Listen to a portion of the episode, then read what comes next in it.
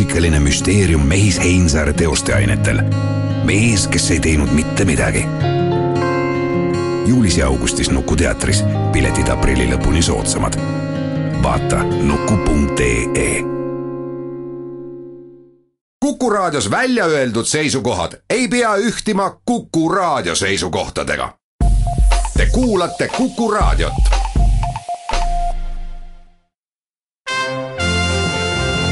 Tallinna Filharmoonia esitleb Filharmooniline huvitaja. tere päevast, head kuulajad! täna räägime kahest maiuspalast, millest teil on võimalus Tallinna Filharmoonia vahendusel osa saada ja juba õige pea. Täna on Kuku raadiol külas üks ja ainus Raivo Tahvenau, tere päevast! tervist! Te olete siin selleks, et rääkida kummardusest Marju Kuudile, mis toimub kahekümnendal aprillil TAF Clubis. just nii. kui suur Marju Kuudi fänn te ise üldse olete? no ma nüüd ütleme, kui ma mõtlen selle lapsepõlve peale tagasi, sest et tegelikult ta äh, kui Marju Kuut laulis, siis olin mina selline koolipoiss, kes hommikul ärkas kell seitse ja hakkasin siis hommikusööki sööma ja jala läbi metsa kuhugi kooli poole kõmpima. Ja siis alati need raadiod mängisid, Vikerraadiod ja muud, mingisuguses äh, ajusopis on save itud see Marju Kuut küll. julges astuda mingisuguseid rütmilisi ja kruuvilisi ja sellist, ütleme sellist äh, Ameerika muusika sellist touch'i ta julges juba vene ajal teha. minu meelest see on väga tore, et ta oli nii julge, sest et noh, nagu teada, et tol ajal ei olnud kerge seda asja üldse, üldse teha, et, et kui ikkagi see eh, nõukaaegne estraad, siis estraad, siis pidi seda kõike ikka tegema. ja nüüd hiljem järgi vaadates, need on täiesti tänapäevased selle kummarduse teete teie oma bändiga ja Laura Põldvere. just nimelt, laval on Heiko Remmel, Joel Remmel, Reigo Ahven, mina ja Laura Põldvere, nii et selline päris erinevad generatsioonid, ütleksin Lauraga te olete juba ka varem ju koostööd teinud? kui ma nüüd ütlen välja, siis sellise, selle aja, kui palju ma olen Lauraga koos teinud, see on kaksteist aastat. Laura oli kuusteist kui me tegime esimese kontserti. meil oli suvetuur ju, kui oli Sergio Pastos ja Laura Põldvere. selline bossa aja selline, selline suvetuur, meil oli väga mennukas tuur, ma mäletan, see oli niisugune harukordne, seepärast et džässmuusikud eriti tihti nagu suvetuuridel ei käigi. siis nagu Laural oli see esimene, praegu me oleme ikka laval olnud ikka päris pikalt. millega ta teid siis võlus? no tema nagu niisugune fenomenaalne äh, isikuomadus või mis omadus see on, on see täpsus ja alati äh, korrektsus, ütleme asjades, et äh, ta on väga raskeid asju võimeline ära õppima, isegi väga tihedas ajagraafikus. ja ta teeb selle alati ära, nii et äh, mitte mingisugust probleemi pole et äh, tema asjad on alati korras, ta nagu respekteerib, ta nagu austab teisi muusikuid. kuidas teile tundub, kas eestlased on hakanud rohkem džässi armastama, kas nad on selle omaks võtnud või on ikkagi sellist võõristust veel? no nüüd ma küll ütlen, ma olen siin praegu rinna ette ja ütlen, et äh, praegu on mingid kohutavad head ajad, kui vaadata vaadata nüüd äh, neid igasugu muusikaauhindade tseremooniaid ja kes võttis jackpoti, võttis Kadri Voorand näiteks. Kadri Voorand oma nende auhindade ja nende kõikide asjadega tekitab ka kogu Eesti rahvas huvi sellise improvisatsioonilise ja, ja laiemas plaanis džässmuusika vastu. nii et äh, see on äärmiselt tore ja ma kardan isegi, et äh, laiemas plaanis Skandinaavia ja Euroopa mõistes meil on ikka väga hästi. tõesti? just nii. julgen selle siit eetrist välja öelda. väga tore, see teeb ju ainult rõõmu. tõesti, TAF klubi on viis ja pool aastat tegutsenud, mis selle ajaga muutunud on? noh, muutunud on palju, et tegelikult nende klubide üks selline ellujäämise valem ongi tegelikult see järjepidevus ei saa teha klubi niimoodi, et ma teen nüüd selle hooaja ära ja kui see nüüd ei toimi, siis paneme uksed kinni ja meil on olnud nii ja naa aegu, selles mõttes alguses ei saanud kuidagi käima, siis oli üks hooaeg oli väga tore, siis järgmine hooaeg jälle ei olnud, katsetasime uusi asju, kuidas need asjad kõik on. aga mulle tundub praegu, et inimesed on selle koha üles näinud, et kui tuleb neljapäev, hea küll, ta ei ole praegu igal neljapäeval. aga kui ikkagi tuleb see neljapäev kätte, mul on selline tunne, et inimene lööb internetti TAF klubi sisse ja, ja see on juba väga-väga-väga suur edasiminek, et inimene harjub ära. aga siis nüüd, neljapäeval, mis on kahekümnes aprill õhtul kell kaheksa, Marju Kuudile kummardus, kas Marju Kuut ise ka on teid kuulamas käinud, te olete andnud ju neid kontserte ka eelmisel suvel juba, mis ta arvab sellest? no Marju Kuut käis meil, ma arvan, et ta on olnud meil kohal kuskil kolmel kontserdil ta tegelikult on väga hästi kursis, mis me teeme ja ta on selline ka natukene kriitiline. ei olnud seal midagi, et oi kui vahva ja sellist ülevoolavat, sellist Ameerika keep smiling ut, ei tulnud seal midagi. ikka võttis nööbist kinni ja ütles paar asja, et vaata, minu meelest võiks see nii olla. nii siis lauljanna kohta kui ka bändi kohta, nii et me saime sellist äh, objektiivselt mõnusat kriitikat, mida tegelikult Eestis väga ei olegi, et, et kõik, kas on siis halb, nagu, nagu me kuuleme siin kogu aeg, kõik on halb, ükskõik uus asi, mis tehakse, kohe vesi peale. või siis äh, sellist eufoorilist kiitust, noh, mis tundub juba liiga, eks ole. aga tema oli selline ratsionaalne, ütles need asjad, need asjad, mis ma arvan, ja need asjad. kas tegite siis ringi ka? ega me väga ei saa saanud ringi teha, sellepärast et noh, kui nüüd ütleme neid Mario Kuudi lindistusi kuulata, siis ka seal sellist soleerivat džässi ju tegelikult ei olnud. olid head lood, mis ta oli siis oma big bändi seadetes või siis suure orkestri seadetes teinud või siis mõningad ka bändi seadetes, aga seal sellist äh, peadpööritavat improvisatsiooni väga ei olnud ja võib-olla see oligi see kriitika objekt, et äh, kuna meil on ikkagi ansamblis ikka sellised suured isiksused ja kõik tahavad mängida ja ja see see mõte nagu on ongi, et mina ei pane bände kokku inimestest, kes lihtsalt mängivad mingid asjad ära ja keeravad noodilt järgmise lehekülje, et kõik see mees peab saama mängida ja peab saama improviseerida, et see on nagu minu põhimõte alati olnud, et et kõik laval olevad isiksused, mitte ainult laulja, tulevad välja sealt. ja võib-olla see pool oligi, nagu Marju natukene ütles meile, et, et lauljannale annate liiga vähe ruumi aga no kujutage ette, et saksisoolo on neli minutit ja siis on võib-olla kolm minutit klaverisoolo ja siis tuleb veel mingi trummisoolo ja siis noh, põhimõtteliselt džäss on džäss. aga kes need sätungid on teinud siis?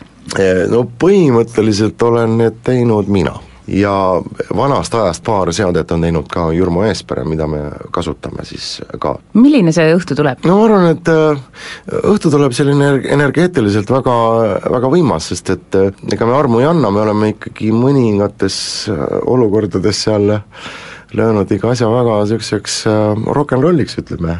ja, ja sellist sussutamist ei tule aga ikkagi tuleb energeetiline laks, ma arvan. saate lõpus me kuulame ka ühte lugu, mis see võiks olla Marju Kuudilt?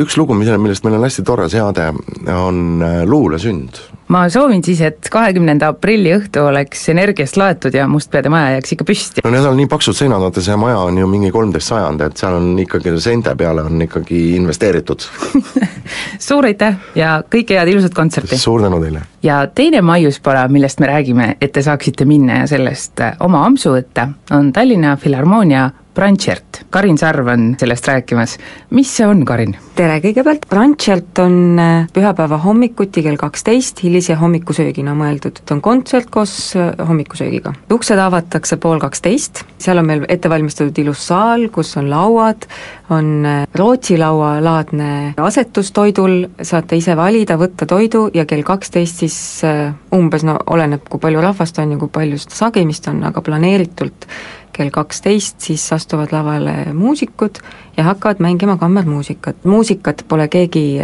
sinna nii-öelda ette kirjutanud, et see on äh, Tallinna Kammerorkestri interpreetide enda isiklik initsiatiiv ja soov, kõik, mida me seal mängime.